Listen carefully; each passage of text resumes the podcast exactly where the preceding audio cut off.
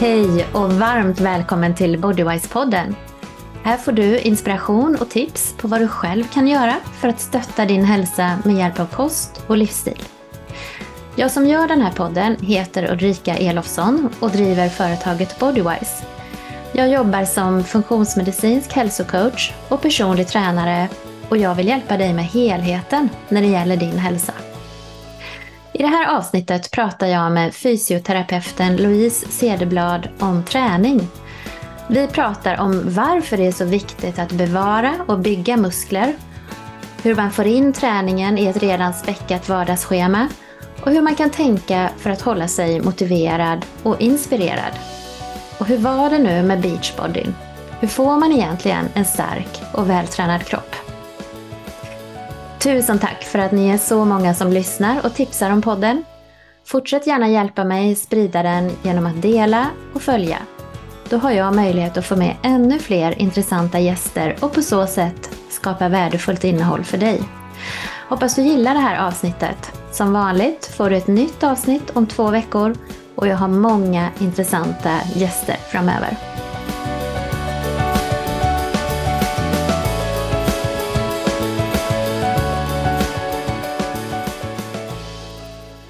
Hej och varmt välkommen till Bodywise-podden Louise. Tack, hej. Stort tack för att du tar dig tid att vara med. Idag ska ju du och jag prata om träning, något som du har stor erfarenhet av. Du är ju mm. utbildad fysioterapeut med specialistexamen inom fysisk aktivitet och idrottsmedicin.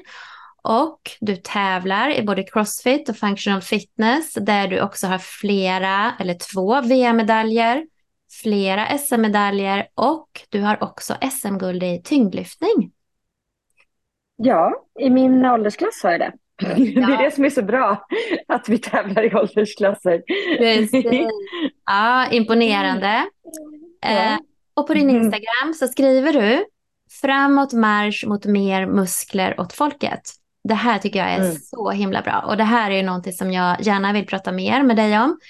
Men eh, jag tänkte att du ska få börja med att berätta lite mer om dig själv så att vi får lära känna dig lite bättre. Mm. Eh, ja, men jag fick ju så himla fint intro där. Eh, det, eh, det, stämmer ju, det du säger om eh, fysioterapin och allting sånt. Min första utbildning var faktiskt eh, danslärare. Då bodde jag i Paris i Frankrike i fem år. Eh, och där pluggade jag även Idrottshögskolan i tre år där jag läste en, ja, men en specialidrottslärarutbildning. Eh, eh, så det är mina första utbildningar och sen så blev det massör och så blev det PT och sen så kom jag in på sjukgymnast, eh, sjukgymnastiken då, på Karolinska. Eh, och så var jag färdig sjukgymnast och så insåg jag att ah, jag kan fortfarande inte allt jag vill. så då började jag plugga igen efter ett tag och så blev jag då specialist. Um, men allting har ju liksom rört sig kring det här med träning och hälsa och friskvård och prehab och rehab och allt sånt. Så jag tycker det är väldigt, väldigt roliga ämnen. Enda problemet är väl att ju mer man pluggar desto mer inser man bara att jag kan ju ingenting. Eh, så just nu står jag någonstans i att jag inser att jag har väl pluggat en 11 år ungefär och eh, tycker fortfarande att jag skulle behöva plugga minst 11 år till. Eh, men just nu orkar jag inte plugga mer. ja, men så där, ju mer man lär sig, ju mer fattar man hur lite man vet egentligen. Verkligen, så är det verkligen. Daniel Kruger tror jag heter, syndromet. Um, men nej, men så att det, just nu så har jag ju precis um, uh, sagt upp mig från min eh, trygga anställning och uh, startat eget. Um, så, men inom samma område. Nu ska jag liksom bara lyckas göra det här på, stå på egna ben helt enkelt och jobba med allt det som jag tycker är jättekul. Jätte Um, och i övrigt i livet så, ja, så älskar jag ju träningen så att jag, jag tränar ju själv väldigt regelbundet. Uh, de sporterna du nämner och sen så är jag inbiten. I grunden är jag konståkare som jag höll på med i 15 år. Mm uh, och sen efter det så hittade jag salsan så nu har jag dansat salsa i 15 år. Mm. Um, och massa andra latinska danser också, bachata och kizomba och sådär.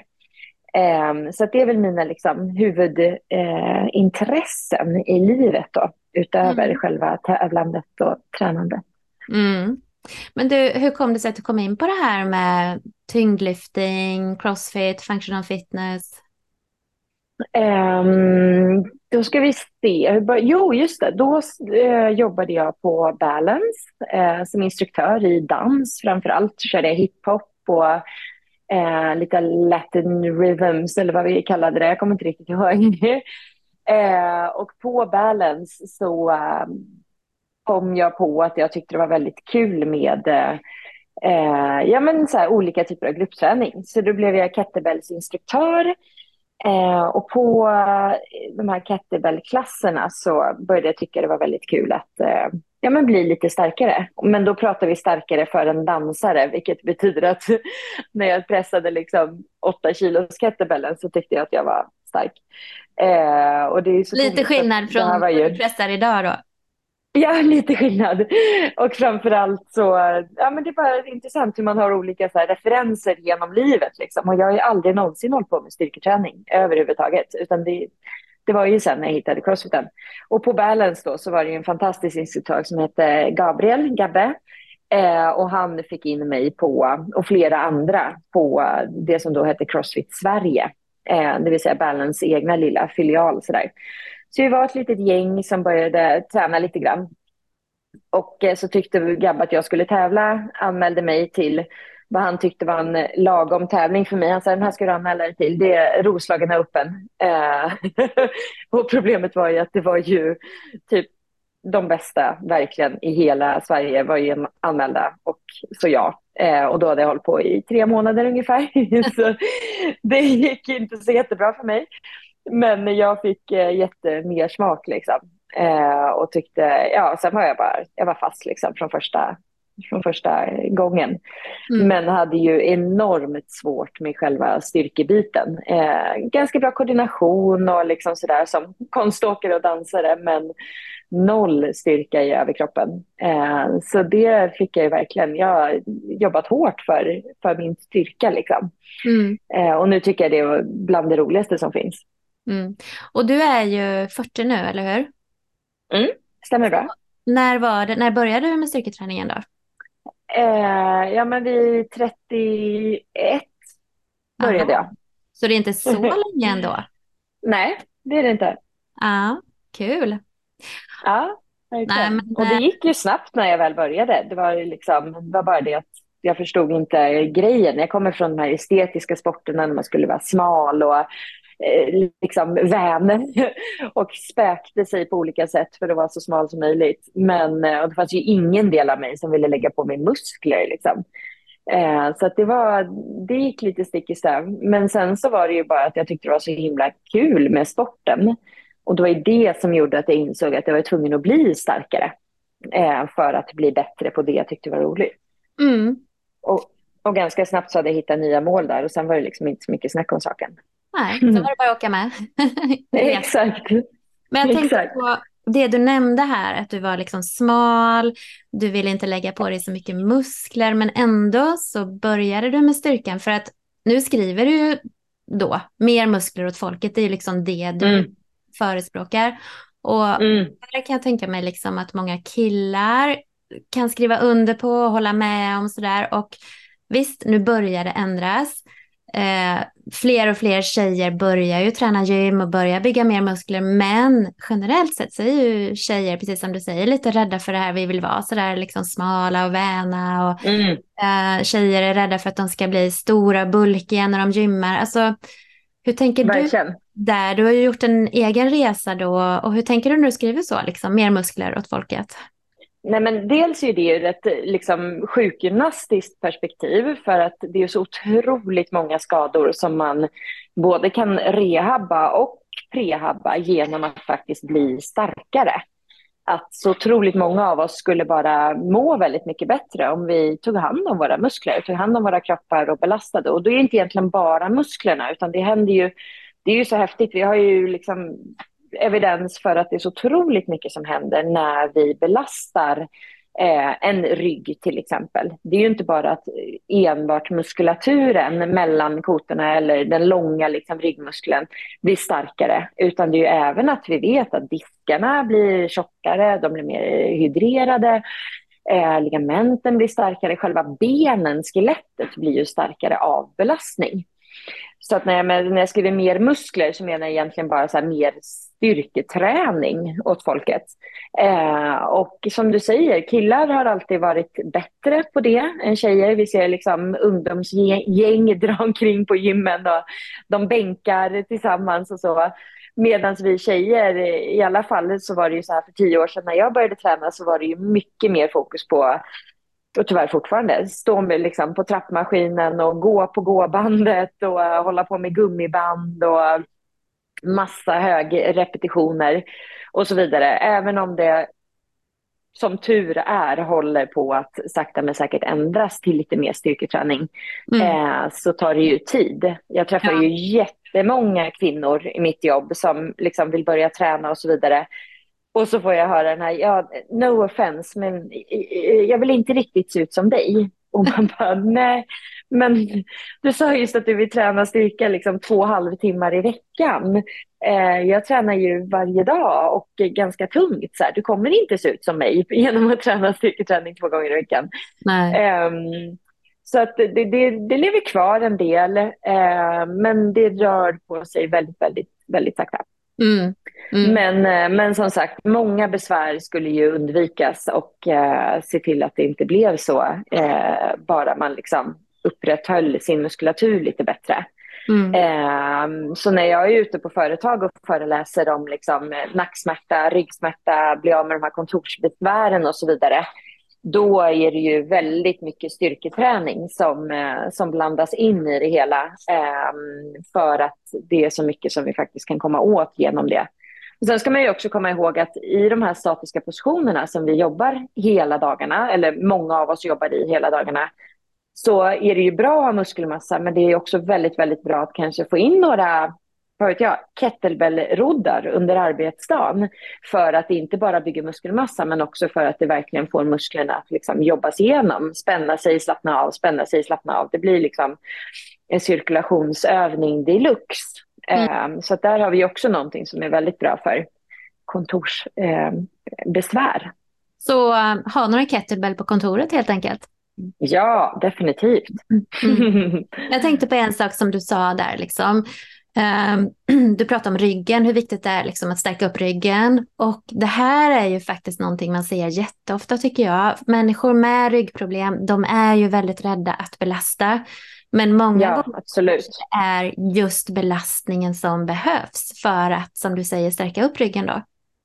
100 procent. Och vi vet ju att det är väldigt stor risk, att, eller väldigt stor, men det är en, en viss andel mm. av dem med den här lite kroniska ryggsmärtan som vi talade om förut. Men nu har vi väl egentligen döpt den till ja, men en långvarig ryggsmärta som oftast brukar definieras att den är över tre månader.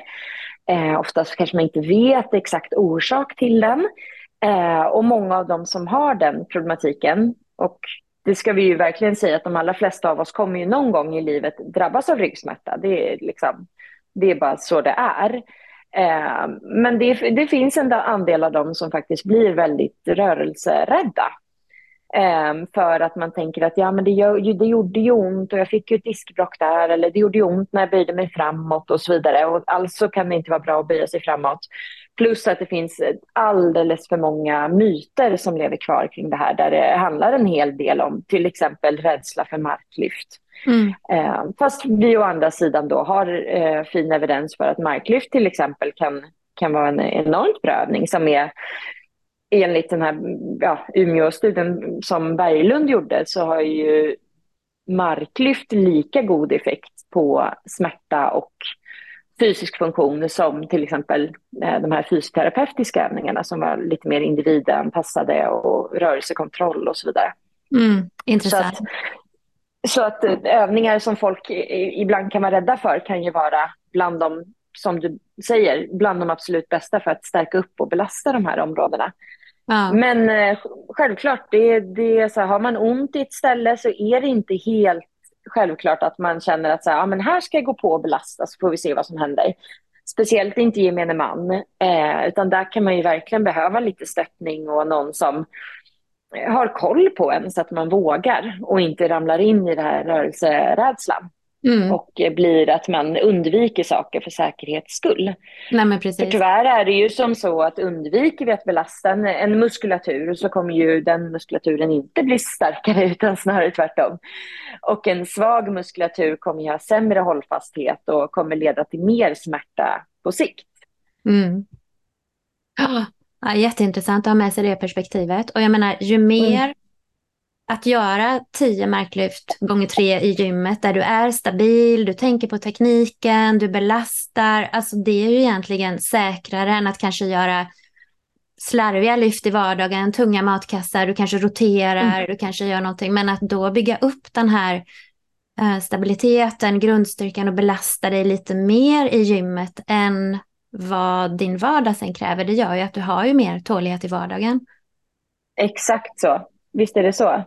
Och där tänker jag, där sa du någonting också i vardagen sen. Ja, men då kommer ju vi göra rotationer, vi kommer göra flexioner, vi kommer hålla någonting i ena sidan och så vidare. Så att i gymmet så är det faktiskt ganska smart att även våga väva in de sakerna. Så att vi inte alltid står med en stabil marklyft, en skivstång på ett stabilt underlag. Vi håller den i två händer, vi står på två ben.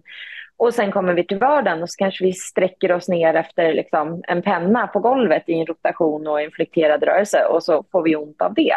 Mm. Eh, så det är viktigt att vi även får in de här lite knixiga rörelserna, att vi inte går omkring och rör oss som robotar. För vi är inte robotar, vi rör oss som vanliga människor sedan resten av livet. Mm. Men har vi lyft en, eh, en kettlebell på 20 kilo i ett eh, enbensmarklyft, ja, men då kommer det inte vara så himla klurigt att lyfta en matkasse på 10 kilo sen. Precis. Mm. Nej. Och eh, det här med att belasta musklerna, det är också någonting som blir viktigare och viktigare ju äldre vi blir ju. För egentligen börjar det ju redan i 30-årsåldern att vi börjar, kroppen börjar brytas ner och vi tappar muskelmassa och sen eh, framförallt för kvinnor då så eskalerar ju förlusten av muskelmassa när man kommer in i klimakteriet. Så att, eh, mm. och det här är ju någonting som vi börjar få upp ögonen för nu, att ju äldre vi blir ju viktigare blir det egentligen med tung styrketräning. Ja, precis. Ja, och jag menar nedbrytningen börjar ju den. Vi bygger upp vår benbank, liksom, vi kvinnor bygger upp vår benbank någonstans till 20-25 års åldern. Och sen börjar vi ta av benbanken. Vilket betyder att så här, pratar vi om osteoporos, benskörhet, så behöver vi ju verkligen tänka på att belasta skelettet. Mm. Eh, och där har vi muskler som skyddar oss, vi har ligament, vi har eh, stötdämpande diskar och så vidare. Och um, ja, som vi pratade om tidigare, det är ju saker det också bygger upp med styrketräningen. Mm. Men det finns en hel del intressant forskning på kvinnor eh, där man just har eh, fått eh, kvinnor postmenopausalt att träna mycket tyngre styrketräning eh, jämfört med lättare och fler repetitioner. Och det man ser där det är ju att ja, men dels att de bygger muskler men dels också att de får eh, mycket mindre besvär. Um, ja, Eh, och även att det liksom, troligen på, kan liksom stabilisera med hormoner och så vidare. Men också så har vi sett att eh, mineraldensiteten på benen är tjockare när vi belastar den med tung styrketräning versus när vi gör fler repetitioner och inte har tunga vikter. Mm. Så vi kan alltså fortfarande bygga upp skelettet trots att vi är lite senare i livet. Det är inte så som vi sa förut när jag gick min sjukgymnastutbildning för 20 år sedan, då, då var det ju fortfarande att efter 20-25 då kan vi inte göra någonting. Skelettet är som det är. Men det verkar ju inte riktigt som att det är så, utan det verkar som att vi faktiskt kan fortfarande göra det. Men då krävs tung styrketräning. Just det. Ja, jätteintressant.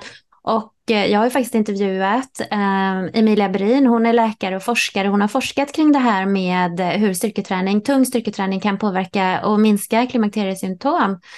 Så, mm. det var intressant, det har inte jag lyssnat på. Nej, det får du göra. Det får jag göra. Ja. Men det här är ju så intressant också det du säger att kroppen fortsätter ju hela tiden att utvecklas bara vi liksom hjälper den lite på traven. Alltså när vi inte använder våra muskler, nej, då tappar vi muskler och när vi inte belastar benen, nej, då får vi ingen, inga starka ben, men att det går att göra saker själv för sin hälsa mm. för att inte motverka, eller ja, vi kan ju kanske i viss mån motverka åldrandet, men i alla fall Definitivt. göra att vi mår så bra som möjligt när vi blir äldre. Ja. ja, verkligen. Och det finns hur mycket som helst vi kan göra själv. Det är inte bara lite. Nej. Det är enorma saker vi kan göra själv. Det är det som är så himla, himla häftigt. Mm. Att det, ja, det, mm. det finns massor att ta tag i gällande sin hälsa. Som, eh, jag tror att den allra största delen av oss har ju inte optimerat hälsan på något sätt. Nej, det finns alltid. Och sen kanske inte hela livet ska gå ut på att gå omkring och optimera sin hälsa. Det tycker inte jag heller.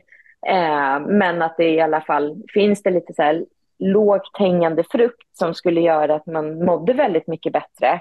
Ja, alltså jag tror att flera skulle vara intresserade av att göra det om de insåg hur lågt hängande den här frukten faktiskt var. Mm. Jag tror fortfarande att det är väldigt, väldigt många som tror att man behöver lägga ner så enormt mycket mer tid och kraft och energi eh, än vad man faktiskt behöver för att få väldigt fina resultat. Mm. Ja, uppmuntrande. Nej, men det finns ju otroligt mycket forskning kring hur träning påverkar vår hälsa, både fysiskt men också livskvalitet, mentalt och mm. Sådär. Men du, jag tänker på, okay. nu har vi pratat om att bygga muskler, vi ska inte vara så rädda för det, snarare tvärtom, det är superviktigt. Uh, men då handlar det ju lite om motivation då. Uh, mm det kanske är så här, folk vet att de behöver träna. De kickar igång sitt gymkort här med iver efter nyår och sen så kör man på järnet i några veckor och sen så bara liksom dör det ut. Vad, så vad är dina bästa tips för att eh, hitta inspiration, hålla sig motiverad eller tycker du att nej, man kan inte gå på motivation utan man får bara hitta en disciplin i träningen eller hur tänker du? Jag tänker att det är en blandning. Jag tänker att um, är man en person som i nuläget inte tränar, vet att man borde, men liksom går och väntar på att man ska vakna upp en dag och vara motiverad till att börja träna, då tror jag att eh, då går man på röven där. Man kommer inte, det kommer inte ske magiskt. Eh, då tror jag, då får man faktiskt bara bita i det sura äpplet och tänka att okej, okay, jag fattar att jag har en kropp, jag har ett liv, eh, det är dags att göra någonting åt det här nu. Det finns en hel del saker i livet som vi gör fast att, fast att vi inte är supermotiverade till det, för att vi bara gör dem, för att vi vet att så här, ja, det här måste jag göra, jag måste borsta tänderna, jag måste betala mina räkningar, jag måste tvätta fönstren någon gång var tionde år. Man måste, det är vissa saker vi gör fast att vi inte tycker det är skitkul. Liksom. Och är man en sån som verkligen inte tycker att träning är skitkul och man, och man har testat en massa olika saker och fortfarande inte tycker det, då tror jag att man bara får ta och bita ihop och inse att vissa saker gör vi ändå, punkt. Mm. Um, men är det däremot som så att man, um, man kanske har varit en tränande person och alltid tyckt att det var kul och helt plötsligt är det inte roligt längre, men då är det en helt annan femma. Då kanske man får börja fundera över, uh, har, jag liksom, har jag mål? Har jag realistiska mål? Har jag, vart vill jag med min träning? Eh, ja, alltså det finns ju, det, jag tänker att det är så otroligt individuellt. Eh, men att man kan inte räkna med att man alltid ska motiv vara motiverad. Att man varje, varje dag ska gå till gymmet och tycka att det är det roligaste som finns. Mm. Eh, det kommer komma jobbiga dagar. Liksom. Eh, det gör det för mig, det gör det för alla människor. Eh, men vissa saker får man bara göra ändå för att man vet att det här gör jag för min kropp och för min hälsa och jag kommer bli mer och mer motiverad ju duktigare jag blir på någonting.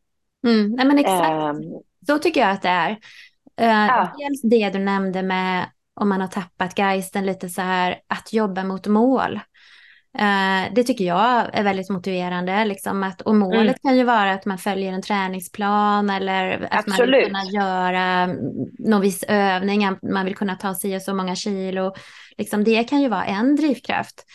Yeah. Man får ju hitta sin egen drivkraft och precis som du sa också, ju mer man tränar, speciellt om man är i början, om man inte har tränat så mycket så kommer man ju se en enorm utveckling och bara det, det kan ju bli inspirerande och sporrande. Exakt. Och jag tror det handlar jättemycket om att eh, många gånger så har man kanske inte mätt någonting. Och hur vet man att man faktiskt går framåt om man aldrig någonsin har mätt någonting? Har vi, börjar man skriva ner liksom, vad hade jag för vikter första gången jag gjorde det här? Oj, nu klarar jag tredubbla. Det ger ju en rejäl motivationsboost. Men hur ska man veta det om man aldrig liksom loggar vad man gör eller har en coach som säger till en vad man ska göra eller har en träningskompis som drar dit en och påminner en om vissa saker. Mm. Så att här finns det ju lite grejer. Alltså det är eh, verkligen att eh, försöka tänka på kanske ha någon typ av träningsdagbok eh, där man skriver ner lite olika saker. Om det är löpning man håller på med, men då kanske man ska skriva ner lite tider eller om det är att man vill få lite bättre allround-kondition, ja men då kan man ju testa och vad vet jag, man sätter sig på en roddmaskin och ror 500 meter. Hur lång tid tar det? Kan jag försöka få lite bättre tid om några månader? Eller hur mycket lyft orkar jag nu svinga med en kettlebell tio gånger? Kommer jag klara det kanske 14 gånger om ett tag? Ja, men då har jag blivit starkare. Eh, och så vidare. Det finns, olika, det finns så många olika sätt att, att mäta liksom, på. Mm. Och sen är det ju faktiskt så att det finns ju de som hatar eh, mål och eh, liksom olika saker. Och det, för dem är det en precis tvärtom-effekt. När man säger sätt upp ett mål, Nej, men det, är det, det är det sista jag vill. jag vill. Jag känner mig bara stressad över det. Jag vill inte ha mer stress i mitt liv. Och då får man ju gilla det läget och försöka tänka på någonting annat. För någon är det ju liksom, ja, men jag lyssnade på någon eh, podd med Daniel Berglind som hans största motivation det var ju liksom att inte, han tränar för att inte dö. Och i min värld, jag kan inte se det som ett mål. Jag tränar för att vinna tävlingar. Det är liksom ett, det är ett mål som, som sparar mig när det är tufft. Mm. Eh, men för någon annan så kan det vara att nej, men jag, vill, jag vill orka liksom, springa med mina barnbarn. Alltså, mm. Så att man får ju bara försöka hitta vad är det som faktiskt kan kan få en att, att gå till gymmet eller gå ut i löpspåret eller göra sin hemmaträning eller vad det nu kan vara eh, de dagarna när det, när det är lite motigare. För det kommer komma dagar när det inte känns så jäkla jättekul. Absolut. Eh, och vad har jag då för plan för att göra det jag har satt upp ändå? Mm. Och kanske inte bara gå på känslan utan liksom hitta sitt mål, sin drivkraft och sen bara bestämma sig för att göra det de dagarna det känns lite motigt. Mm, för vi vet ju alla att det ju... känns ju superskönt efteråt när man väl har gjort det. Ja, oftast gör det ju det. Mm. jag har haft fast när det inte har varit så. Men, men allra ofta så, så är det ju väldigt mycket bättre efteråt. Så är det ju. Mm. Och i någon fall så kan det ju faktiskt vara att man är, kanske till och med ska dra ner på träningen för att få bättre resultat. Ja. Så det är ju inte alltid, det är inte alltid att man Ja, det är så otroligt individuellt. Någon vill gå upp i vikt, någon vill gå ner i vikt. Någon vill liksom, ja, men jag vill träna fler gånger i veckan och någon behöver ka faktiskt kanske, nej men jag vill lägga in en, en eh, andningssession ett av mina pass istället. Det skulle ge mig bättre resultat än att bara träna två pass till. Så vidare. Så det är otroligt individuellt. Eh, men det är väldigt, väldigt bra att ha antingen en coach som liksom följer en, att man har någon som man ja, vad heter det, hold accountable, alltså att man ska mm, redovisa lite för någon. Eh, och det kan vara en träningskompis eller det kan vara ja, en coach eller det kan vara någon pappa, jag har ingen aning. Men att man inte bara, som du säger, går till gymmet utan en plan, sätter sig någonstans planlöst, utan att man faktiskt har någonstans en, en så här, vad har jag för plan för det här passet? Vad har jag för plan för den här veckan? Vad har jag för plan för den här månaden? Mm. Eh, och anpassa planen utifrån livet, som ju faktiskt precis. är det primära. Ja, Nej, men det där är ju jätteviktigt. Just det här liksom att okej, vi ska inte bara gå på känslan, och nu är jag så trött idag, jag orkar inte gå till gymmet, men att ändå vara lite snälla mot varandra eller mot sig själv och lite, ja men idag känner jag mig sliten, jag har sovit dåligt, jag kanske inte ska mm.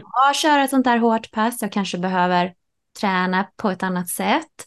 Men sen tänker mm. jag också en, en annan grej som man börjar prata mer om nu, det är ju också att träna, kvinnor då, att träna i enlighet med sin eh, cykel. För det är ju faktiskt så här mm. att de första två veckorna så är vi ju mycket mer, när östrogen håller på liksom och, och öka i kroppen, då är vi ju mer tåliga. Och sen de sista två veckorna innan mens, då, då är vi ju lite känsligare och ja, man kan ju liksom känna in där också man behöver anpassa träningen så. Mm. Men det där är ju också extremt individuellt. Kollar vi på gruppnivå där så har vi knappt några skillnader överhuvudtaget över menscykeln. Det har gjorts en del sådana studier på liksom kvinnliga fotbollslag och så vidare där man försökte anpassa så gott det gick och där man typ såg ingen skillnad överhuvudtaget. Så att det är ju extremt individuellt. Jag har ju kunder som är jätte, jättekänsliga för detta och liksom verkligen, så här, det är skillnader i många kilon mellan olika delar av cykeln. Och jag själv till exempel har noll, alltså jag känner ingenting beroende på vad jag är i min cykel. Det finns ingen skillnad i prestation eller vikter eller, eller någonting alls. Så att även där måste vi komma ihåg att det är jätteindividuellt. Och nu är det lite på modet det här med att anpassa och så vidare. Men äh, ja, mm. jag tror att hade det varit så stor skillnad för alla kvinnor, då hade det här påtalats långt tidigare. Mm. Eh, utan väldigt, väldigt individuell, eh, stor variation här också. Mm. Absolut. Nej, men vi behöver ju lära känna oss själva och våra kroppar, hur vi funkar naturligtvis. Mm. Eh, men du, okej, okay, vi vet att vi ska träna. Det är viktigt att ha en, lite mål för att veta varför man tränar. Det kan vara bra att ha någon form av träningsplanering, har vi pratat om. Men då har vi det här att många upplever ju att det kan vara väldigt utmanande att få till träningen i ett liv som kanske redan är ganska fullbokat med olika aktiviteter, jobb och hämta och lämna barn och vad det nu kan vara. Har du mm. eh, några konkreta tips som du kan dela med dig av där? Um, ja, men först och främst så tänker jag att det är jättemycket en prioriteringsfråga.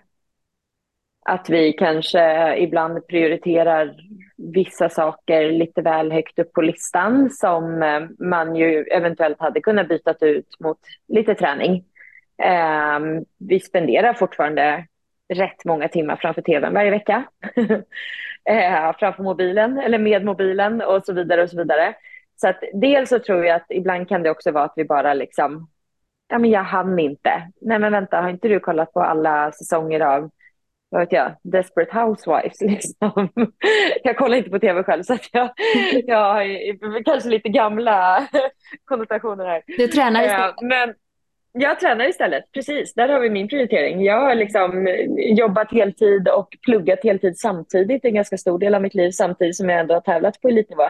Så att så här, det, det, handlar ju, dels så tror jag att det handlar en, eh, om prioriteringar. Eh, dels så tror jag att det handlar om... Hmm, ja, men jag tror att man kan väva in ganska mycket.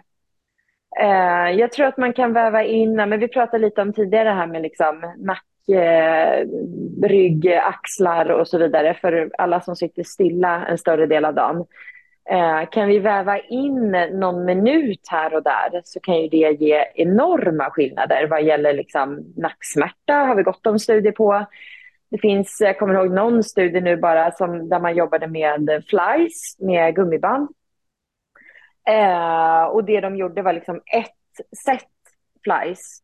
Det, vad kan det ta? Max en minut. Alltså flies, då menar du när man lyfter armarna? Eh, lateral races. Ja, precis. En abduktion av axeln. Vi, vi håller i ett gummiband med bägge händerna. Vi står på gummibandet och så drar vi armarna rakt upp ut till 90 grader ungefär. Och sen så håller vi emot på vägen ner. Så i den här studien, kommer jag inte ihåg, eh, ingen aning om vem det var som gjorde den, jag skrivit om på min Instagram, kommer jag ihåg. Och då gjorde de eh, ett set flies till fail, det vill säga de gjorde så många de orkade, sen orkade de inga fler. Och jag har för mig att de gjorde detta kanske tre gånger i veckan eller någonting i åtta veckors tid. Eh, och de hade en, eh, ja, det här borde jag kollat upp om jag skulle prata om den, men de hade en rejäl minskning, en definitivt signifikant minskning av smärta i nacke och axlar eh, på bara åtta veckor. Och det var mm. ungefär tre minuters träning i veckan. Ja. Så att det är det här jag pratar lite om, att många gånger så tänker vi att det ska till så jäkla mycket för att det ska göra någon skillnad. Men det behövs inte mycket. Och framför allt så behövs det väldigt, väldigt lite för de som inte är så aktiva redan. Mm. Så den gruppen som känner mest att eh, jag orkar inte göra något, det är ingen idé för jag skulle behöva göra så mycket det är de som har mest vinning på att göra jätte, jätte, jätte, jättelite mer. Mm. För det kommer vara så stor skillnad. Mm. Så att jag tror jättemycket på att väva in saker. Eh, när man ändå, vad fasen, istället för bara stå och snacka med kollegan i 30 minuter och sitta i en soffa och dricka kaffe, kan vi inte göra det till en 10 minuters rörlighetspaus med alla kollegor? Eh, och så väver man in det på kontoret, in i företagskulturen. Det skulle göra enorma skillnader för hälsa, eh, smärta, kanske förebygga sjukskrivningar. Alltså vi snackar liksom, det här blir miljardbelopp kanske till och med på samhällsnivå om fler företag skulle bara införa lite sådana grejer varje dag. Verkligen. Um, så att det, det, är liksom, så ett då, det krävs inte så mycket. Um, vi har även studier där man liksom går i en trappa det snabbaste man kan i 30 sekunder. Um, och även där blir det sådana enorma, enorma skillnader uh, på jättekort tid av folks kondition och cirkulation och livskvalitet och produktion på, produktivitet på arbetet av så lite som 30 till 60 sekunder mm. några gånger i veckan. Och det här tror jag um, kanske inte folk är så medvetna om. Man tänker att jag ska bara träna, men jag har ingen tid och jag måste yes. åka en halvtimme till gymmet och ska jag vara en timme, kanske en och en halv på gymmet och ska jag åka hem en halvtimme. Men så behöver det verkligen inte vara, utan de här små Nej. grejerna som man gör regelbundet, kanske några gånger i veckan, det är ju det som kommer ge resultat på sikt. Ju. Ja. Ja, det är en jättestor skillnad. Sen mm. kommer ju inte det liksom, för någon som dig och mig som redan tränar regelbundet, så kommer det inte ge lika enorma resultat, men det kommer fortfarande leda till att ja, men vi bryter av det här statiska sittandet. Exakt. Vilket kommer göra stor skillnad för att jag just idag känner mig lite mindre stel i nacken och axlarna, vilket ju inte är så himla dumt det heller. Mm. Men det kanske inte kommer leda till att jag får en 8 i ökning av min kondition som vi såg att de här individerna fick som gick i trappan 60 sekunder. Um, så att, så att det är så här, det, än en gång, det är individuellt, det beror på nivå och så vidare. Men vi kan göra väldigt mycket bara genom att baka in det i sitt liv. Och, uh, och som du säger, folk är inte medvetna om det här. När jag är ute och föreläser om det här så är det så många som kommer fram efter och bara, jag hade ingen aning, varför har ingen sagt det här till mig tidigare? Mm. Eh, så att det här är, det är liksom, där har vi en bas tänker jag. Och sen så pratar vi om den här heliga vardagsmotionen. Det är fantastiskt. Gå så mycket du kan i trappor. Ja, ta inte hissen om du inte måste och så vidare. Eh, dock måste jag ändå få påpeka att ibland så får man också höra så här, men jag behöver inte träna för jag går promenader. Och det stämmer ju inte en, liksom, en promenad, det är jättebra. Det är bra att komma ut och se grönt. Det liksom, om, om det är vår, det är bra för hjärnan. Vi vet att liksom, eh, måttlig, till, eh, måttlig depression kan lindras enormt av den typen av aktivitet och så vidare. Så det är jättebra att vi är ute och går. Vi får lite, lite konditionsökning beroende på hur dålig kondition vi har såklart. Eh, och det händer en massa bra kropp, saker i kroppen. Men en promenad kommer aldrig kunna ersätta styrketräning. Aldrig någonsin. Mm. Um, så att vi får skilja på liksom bönor och morötter, så kan man inte säga, men jag sa det fel med flit. Att det är liksom att bygga tungt, fem, sex repetitioner, att alla muskelfibrer får ta i, att vi verkligen bygger liksom skelettet starkare, ligament starkare och så vidare, kommer aldrig ersättas att vi går 10 000 steg. För det är mm. liksom ingen belastning på det sättet. Um, men ett jättebra sätt att få in aktivitet i vardagen, ja. Nej, men vi behöver ju både och. Alltså när jag jobbar så har jag det här evolutionära perspektivet. Vilka är vi? Hur har vi levt genom årtusendena? Och vi, våra kroppar tror ju fortfarande att vi är, att vi lever på savannen, att vi lever ett stenåldersliv. Och där har vi ju rört oss lågintensivt, alltså de här promenaderna. Men vi har ju också lyft tungt. Vi har släpat, mm. dragit, alltså våra kroppar är ju utvecklade för det här. Vi behöver ju det här. Mm. Absolut. Mm. Ja, men, äh, alltså, ja, vi skulle kunna prata hur mycket som helst om det här med ja, verkligen. träning och vi brinner ju för det både du och jag. Men jag tänker så här då. Eh, Förlåt Ulrika, får jag bara säga en sak till? Mm. Eh, det här med liksom att väva in det i vardagen. Som sagt, då är det så här, korta pauser, vi snackar vardagsmotion. Eh, men sen så då styrketräningen, som du sa nu, behöver vi åka en timme till och från jobbet och träna en och en halv timme för att styrketräning ska ge någonting. Och det behöver vi ju såklart inte. Eh, vi behöver få in styrketräning på något sätt. Och det är väldigt smidigt att göra det med vikter, för då kan vi ju verkligen liksom överbelasta och lägga på två 1,25 kilos plattor och vi ser att vi blir starkare och så vidare. Men många kan ju faktiskt gagnas enormt mycket av att börja köra 20 minuters, 10 minuters styrketräning hemma utan vikter. För är vi otränade och inte belastar i nuläget så kommer det göra skillnad att börja göra åtta armhävningar på knä. Eh, och några dips och några enbensknäböj till soffan och så vidare. För det kommer vara fullt tillräcklig styrketräning i början.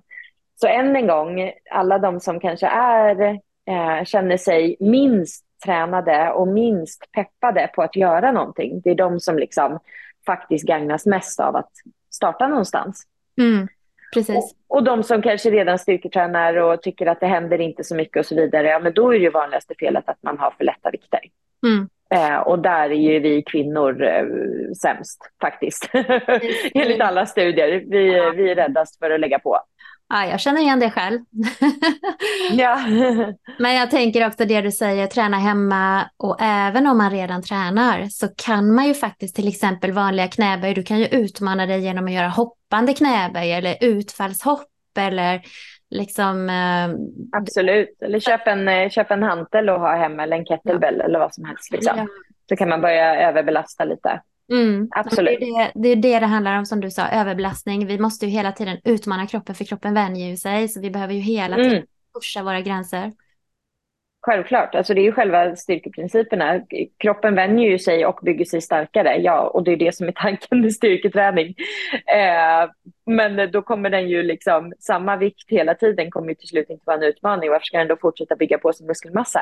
Det gör den ju enbart om vi tvingar den till det. Det är en kostsam process för kroppen att bygga muskler. Mm. Så det kommer vi behöva, liksom, det kommer inte göra det for free, utan det får vi tvinga den till. Mm. Du, vi ska snart börja avrunda här ju, men sjukt intressant det här som säkert både du och jag kunde prata mycket mer om. Men jag vet att många som tränar, kanske framförallt tjejer, men även killar faktiskt, man tränar ju för typ beach 23 eller beach 24, att man har liksom de här estetiska målen med sin träning också. Är det, jag menar du har ju själv en otroligt vältränad kropp, är det någonting som du tänker på i din träning? Är det en, en drivkraft för dig eller hur, um, ja, hur tänker du där? Ja, men det är lite komiskt egentligen, för i 30 år har jag hållit på med estetiska sporter, eh, dansen och konståkningen. Och då var det ju enormt fokus på hur man såg ut. Man fick poäng för hur man såg ut. Man fick poäng för om klänningen passade eller om man såg mullig ut fick man avdrag. Alltså det, var, det är ju en störd värld liksom. Eh, men, och då gick ju mycket av min träning ut på, jag hade ätstörningar när jag var yngre eh, som konståkare. Eh, inget jag knappt visste ens om då, men jag fick diagnosen senare. Eh, det var så stor del av vår värld, så det var liksom fullt normalt att man mätte hur många morötter den andra åt jämfört med en själv och så vidare. Eh, men det sjuka är att när jag sen började med de här ja, men tyngdlyftning och crossfit och kettlebells och allt vad det var. Det var ju först då som jag helt plötsligt dels kunde släppa det här med mat. Liksom. Alltså, åh nej, jag vill inte äta för mycket för jag, kanske, jag har inte tränat idag. Eller jag kommer inte hinna gå 10 000 steg och därför kan jag inte äta det här för då har jag inte eliminerat det och allt vad vi höll på med. Eh, nu är det ju tvärtom att jag bara, ju mer jag äter desto mer kommer jag kunna lyfta. Um, så att jag blir alltid så full i skratt om någon frågar så här, kan du inte lägga ut vad du äter på en dag? För det är, det är mycket skit i min kost. Alltså. Det är mycket lösviktsgodis och det är mycket sånt där. Men jag tänker, eh, alltså det ger ju mig kraft att träna hårt. Uh, och sen jag slutade tänka på maten och sen jag började ta i och lyfta tungt, ja, men det är ju nu som jag är mycket nöjdare med min kropp än vad jag var för tio år sedan. Liksom. Mm. Eh, när jag verkligen tänkte på vad jag åt och verkligen ville vara smal. Mm. Så att för mig det här är min räddning, att bara ta i och lyfta tungt. För att nu är jag jättenöjd med min kropp. Eh, och ja, jag har fått en massa mer muskler liksom. Men det är inte så konstigt. Jag tränar ju styrketräning och det gjorde jag inte förut. Mm. Men, eh, men jag tycker det är väldigt skönt med crossfiten. Att eh, så här, det finns oftast inga speglar vi kör vår grej, alla drar av sig tröjorna för att man håller på att dö av, av värmeslag. Eh, men visst, det är absolut, jag skulle ljuga om jag inte sa att det var en positiv bieffekt, att, jag, att man liksom får en schysst, funktionell och eh, ganska snygg kropp av att styrketräna tungt. Liksom. Mm, men det är inte din drivkraft? Nej, definitivt inte. Nej. Jag skulle aldrig kunna stå på en scen, och, eller jag står ju på en salsa-scen, men jag skulle aldrig kunna stå på en någon slags liksom, fitnessscen och späka mig innan för att eh, det ska synas mer muskler. Eh, det, det skulle aldrig kunna vara min drivkraft. Nej, så egentligen ditt råd till lyssnarna då, om jag tolkar det rätt, är liksom att släpp det här, det kommer ändå mm. väl, eller hur? Ja, verkligen. Att se på mat som bränsle, som någonting som gör att du orkar träna, mer än någonting som man är värd om man har tränat. För mig är det liksom, nu inser jag att det var en tankevurpa. Nu inser jag att vad fasen, det är så här, hur ska jag kunna begära av min kropp att den ska orka någonting om jag inte ger den energi och näring? Mm. Um, det är ju liksom basen. Sen kommer resultaten komma av att jag ger den energi så att jag orkar träna tungt och hårt och intensivt. Det är därifrån resultaten kommer, inte tvärtom. Mm. Nej, precis. Ja, jättebra. Alltså, jag tänker att det här får väl vara Mm, vi får liksom wrap it up här nu på något sätt. Yeah. yeah. Men uh, kan inte du berätta var folk kan hitta dig om man är nyfiken på att veta mer om dig och ta del av all din kunskap? Mm. Eh, nej men min största kanal är väl Instagram och där heter jag Fysiololo. Eh, inom kanske en eller två veckor med lite tur så är min hemsida fysilullo.se färdig. Eh, och där, eh, men man kan ju såklart DMa mm, mig på Instagram om man, om man vill komma i kontakt. Eh, föreläsningar eller kurser eller träna med mig eller vad det kan vara. Så går det jättebra att nå mig där. Mm. Ja, vad bra. Tusen, tusen tack för idag Louise. Eller ska jag säga Lollo kanske? Ja, men alltså det, de flesta kallar mig Lolo. det, det lever kvar sen konståkningen. Om någon säger Louise då vet jag att jag har gjort något fel. Att jag har missat ett hopp. För att jag kommer få skäll. Nej! Så Lolo är, Lolo är den här, den, de flesta kallar mig det. Precis, Lolo. Okej, tusen tack. Jajamän. Det var jättekul ja, att prata med dig. Och, eh, tack själv, detsamma. Jag hoppas verkligen att eh, många har fått inspiration nu att liksom eh, ja, börja träna, att eh, våga bygga lite muskler, alltså mer muskler åt folket helt enkelt. Ja, det var bra. Bra wrap it up. Ja. Okej, okay, men eh, ha det fint. Tack detsamma Ulrika. Ha det så gott. Hej. Hej.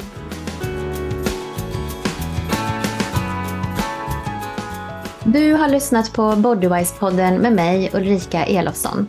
Dagens gäst var fysioterapeuten Louise Cederblad. I det här avsnittet pratade vi om vikten av att träna styrketräning. Vill du lyssna på fler avsnitt med träning som tema så tipsar jag dig bland annat om avsnitt 6 om att våga träna tungt med nordiska mästaren Stefan Ågren och även avsnitt 12 där läkaren Emilia Berin delar med sig av sin forskning om styrketräning för att minska klimakteriesymptom. Är du sugen på att komma igång med träning? Eller tränar du redan och vill få ett personligt anpassat upplägg så är du varmt välkommen att höra av dig till mig. Tusen tack för att du har lyssnat. Hoppas du uppskattade avsnittet. Vill du höra fler intervjuer som denna Kom ihåg att prenumerera på Bodywise-podden i Spotify eller Podcaster eller via min hemsida bodywise.se. Där kan du också läsa mer om mig och mina tjänster. Ha en fin dag, så hörs vi snart igen.